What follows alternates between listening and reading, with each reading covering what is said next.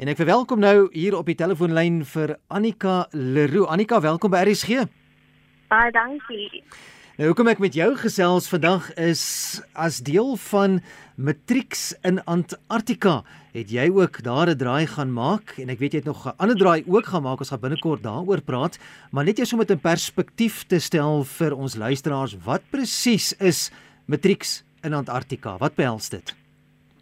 So dit is 'n um, projek wat deur Young Men's begin is. Die um, explorer as jy sê kan doen. Ehm um, hy het hierdie projek begin om eintlik maar studente en jong mense oor die omgewing te leer en bewustheid te skep en um, om net van 'n verskillende plekke te wys en en um, 'n bietjie van sy wêreld wys dink ek en dan net vir ons um, meer bewus te maak vir ons um, motiveer om ons eie projekte te doen en um, ja Nou jy het jy was gekeer as ek dit so kan sê om Antarktika toe te gaan, maar toe het COVID plaasgevind. Hoe het dit jou tog, jou eerste tog wat jy moes neem na Antarktika beïnvloed?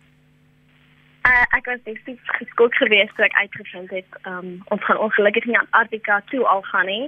Um, want ons het al begin gereed maak. Ek het al my warm klere begin koop. So, ehm um, dit was definitief 'n skok geweest, maar ek dink ek was ook baie opgewonde geweest want ek het geweet dit gaan nog steeds plaasvind net op 'n ander tyd.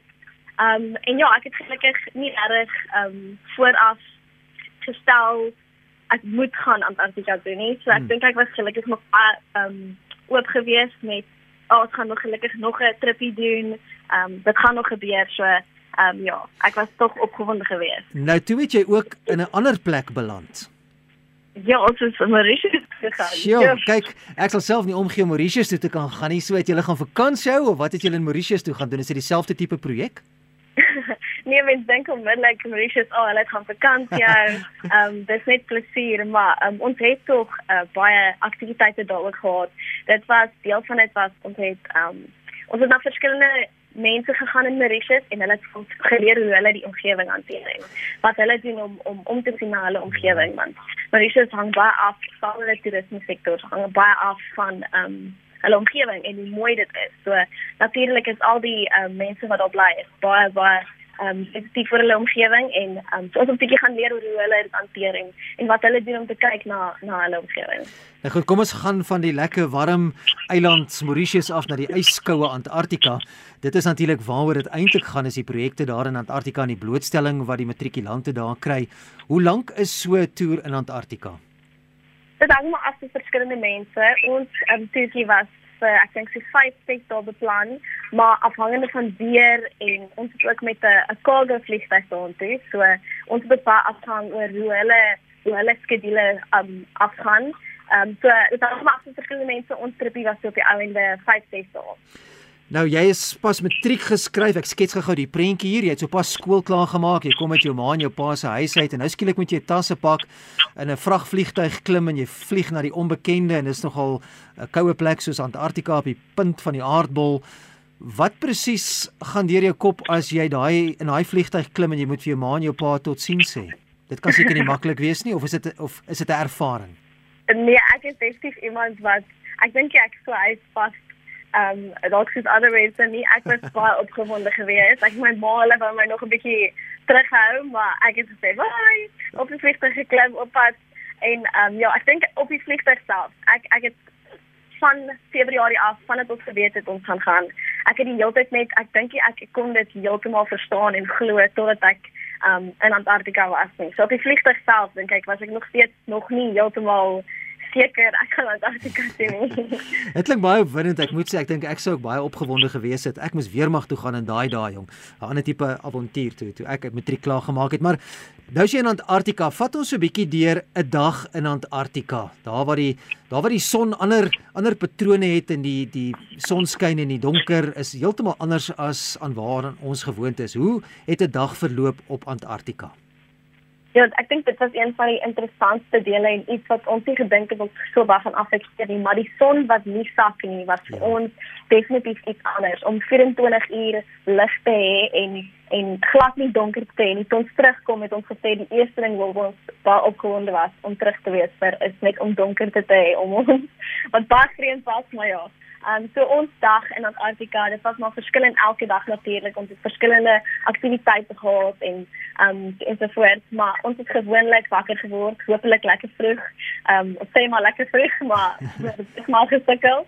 En ehm um, ons het ontbyt geëet natuurlik. Ons het baie lekker ons het 'n Suid-Afrikaanse kok gehad wat ons kos gemaak het. Wonderlik. Baie baie lekker. Ons kon nou 'n bietjie van die huis ook gehad het.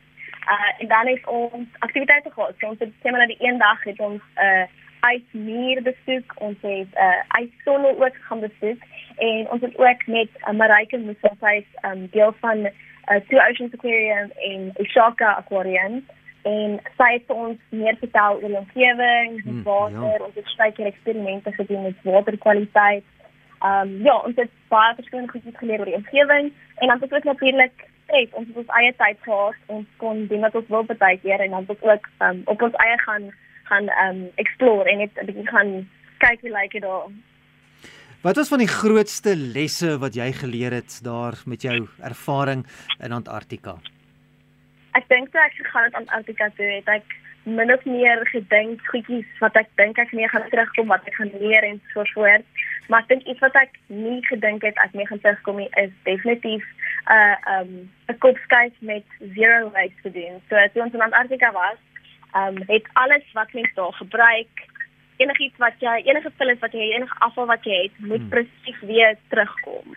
Enigiets wat daar gebruik is, moet terugkom. So ek is definitief, ek dink al die studente het 'n nuwe bewustheid om om um, afval en vullis gehad want ons moet alles weer net so terugbring en en ons het ek dink meer bewus geraak van hoeveel ons gebruik.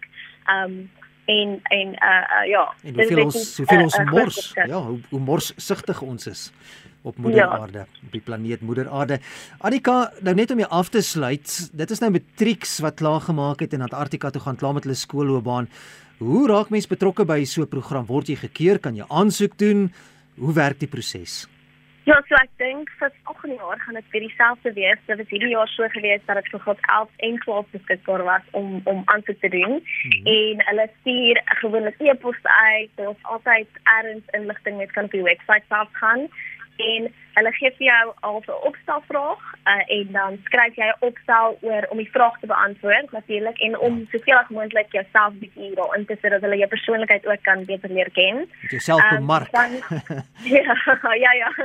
En dan kies hulle 'n uh, top 100 en ehm um, die top 100 moet dan 'n videoetjie maak en 'n uh, projek voorstel. So ja. ons projekte um, is altyd omgewings uh, bewus en dit is altyd te doen met die omgewing en um, dan of uh, sit jy 'n projek neer voor hulle en hulle besluit dan vir 'n top 50 tot 10 en 'n top 5 en ja, dan word jy gekies. Ja, dit klink nou baie lekker avontuur. Jy het melding gemaak van 'n webblad wat 'n mens kan dophou. Wat is daai webblad? Dit is matrixinantarctica.co.za. Goed, gee hom net gou weer stadig. Matrix in Antarctica in Engels. Okay. .co.za. Matrix in Antarctica.co.za. Engels, né, Matrix in in Antarktika. Yeah. Daar's hy. Baie baie dankie vir die gesprek en dankie dat jy jou ervaring met ons gedeel het. Annika, wat gaan jy nou doen? Wat's volgende op jou agenda?